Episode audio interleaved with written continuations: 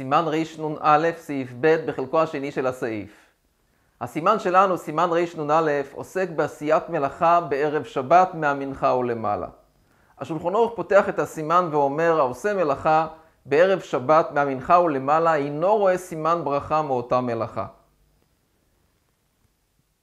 כמו שדיברנו בשיעור הקודם, הביורלוך דן, האם יש בזה איסור בעשיית מלאכה בערב שבת מהמנחה ולמעלה, או שזה רק עניין שאינו רואה סימן ברכה מאותה מלאכה.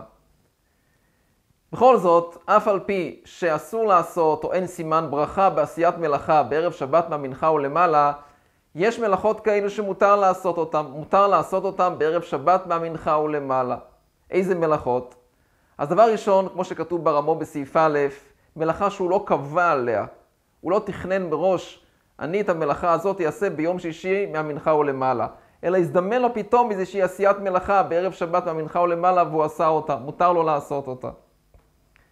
דבר נוסף, מותר לעשות מלאכה לצורך שבת. מותר לתקן כלים, לתקן בגדים, לתפור בגדים מחדש לצורך שבת.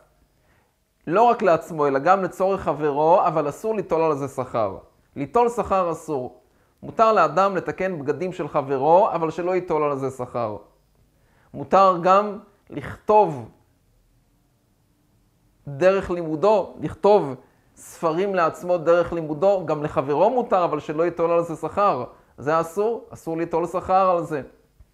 אלא אם כן מדובר באדם שקשה לו בפרנסה ואין לו כסף לקנות צורכי שבת, אין לו כסף לקנות בשר ודגים לענג את השבת, שלאדם כזה מותר להתעסק במלאכה גם בערב שבת אחר החצות, כדי שיהיה לו ממה לקנות אה, צורכי שבת. כמו שלגבי חול המועד מצאנו, שפועל שאין לו מה לאכול, מותר לו לעסוק במלאכה בחול המועד. וכהמשך לכך אומר הרמו, שבערב שבת מהמנחה ולמעלה מותר להסתפר. בערב שבת אפילו מהמנחה ולמעלה מותר להסתפר. אפילו בשכר. אפילו בשכר. המשדיבור מסביר מה ההבדל בין זה, בין זה לבין תיקון בגדים. למה תיקון בגדים מותר לתקן בגדים של חברו, אבל אסור ליטול שכר ואילו תספורת, מותר להסתפר בערב שבת מהמנחה או למעלה, וגם ליטול על זה שכר. המשדיבור אומר שיש הבדל. בתספורת כולם יודעים שהתספורת היא לצורך שבת, אז לכן מותר. מה שאין כן בתיקון בגדים, לא כולם יודעים שהבגדים האלה נצרכים לו לשבת. אולי יש לו בגדים אחרים בארון, אולי בכל מקרה הוא לא ילבש את הבגדים האלו. אז לכן, מותר אמנם לתקן את הבגדים של חברו לצורך שבת, אבל שכר אסור לו ליטול על זה. מה שאין כן כאשר מדובר בתספורת, תספורת יד עיכולי עלמה, שהוא מסתפר לכבוד שבת, אז לכן מותר לאדם לספר את חברו, גוי אסור לו לספר, אבל את חברו מותר לו לספר, כי זה תספורת לצורך שבת ומותר. המשתבור המביא, הביורלוך המביא בשם הגויין, שהגויין אסר תספורת בערב שבת מהמנחה או למעלה. המשתבור מביא עוד בשם המוגד אברום, בשם הארי, שהוא לא היה מסתפר לפני זמן מנחה. דהיינו, כאשר הגיע זמן מנחה, הארי לא היה מסתפר, כי הגיע זמן תפילה. על מה אנחנו היום מקילים שאנחנו מסתפרים גם כאשר הגיע זמן מנחה? המשתבור אומר כי היום כיוון שקוראים לבוא לבית הכנסת, אז לכן יש מי שיזכיר, שלא נשכח להתפלל, אז לכן מותר לנו להסתפר גם כשמגיע זמן תפילת מנחה. אולי היום שיש מניינים קבועים לכן מותר. אני אקרא בפנים. אומר הרמו, אבל אסור לכתוב לחברו בשכר. המשתבור מוסיף כאן שהוא הדין אסור לכתוב ספרי תורה, תפילין ומזוזות, אלא אם כן זה נצרך לו. או שמדובר בסופר שאין לו מה לאכול, שאין לו מה לקנות צורכי שבת, שאז מותר. ומסתפרים כל היום, אפילו מספר ישראל. למה? כי זה לכבוד שבת, ומותר גם ליטול על זה שכר, כי ידוע שהוא עושה את זה לצורך שבת, מסביר המשנה ברורה. עוד אומר הרמו, ויש לאדם למעט קצת בלימודו בערב שבת, כדי שיכין צורכי שבת. המשנה ברורה מביא כאן שלכן לא קובעים ישיבה, אין סדר ביום שישי אחר הצהריים. למה?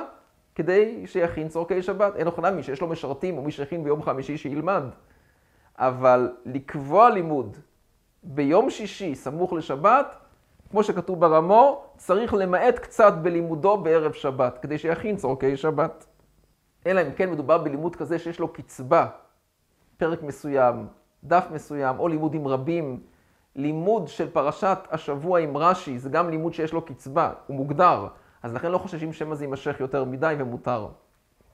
ואנחנו עוברים לסימן רנ"ב, בסימן רנ"ב נלמד בעזרת השם, על כל פונים בסעיף א', שיש מלאכות כאלו שאף על פי שהן ממשיכות מעצמם בשבת, מותר לאדם לעשות אותם ביום שישי, דהיינו, מותר לאדם להתחיל את אותה מלאכה ביום שישי, אף על פי שהיא ממשיכה והולכת בשבת. כיוון שהיא ממשיכה מעצמה, והוא התחיל אותה בהתר, אז לכן זה מותר. למשל, מותר להתחיל במלאכה בערב שבת סמוך לחשיכה.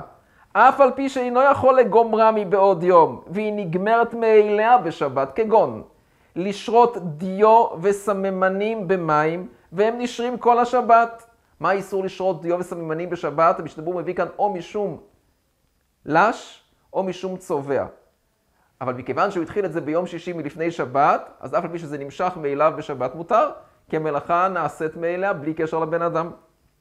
ולתת אונין של פשתן לתנור כדי שיתלבנו. לתת צמר לתוך העיירה שאינה על האש והיא תוכה ביתית. שאם היא על האש אסור, שמא יחטא. ואפילו אינה על האש, אם אינה תוכה ביתית אסור, שמא יגיס בה בכף. אז שני תנאים.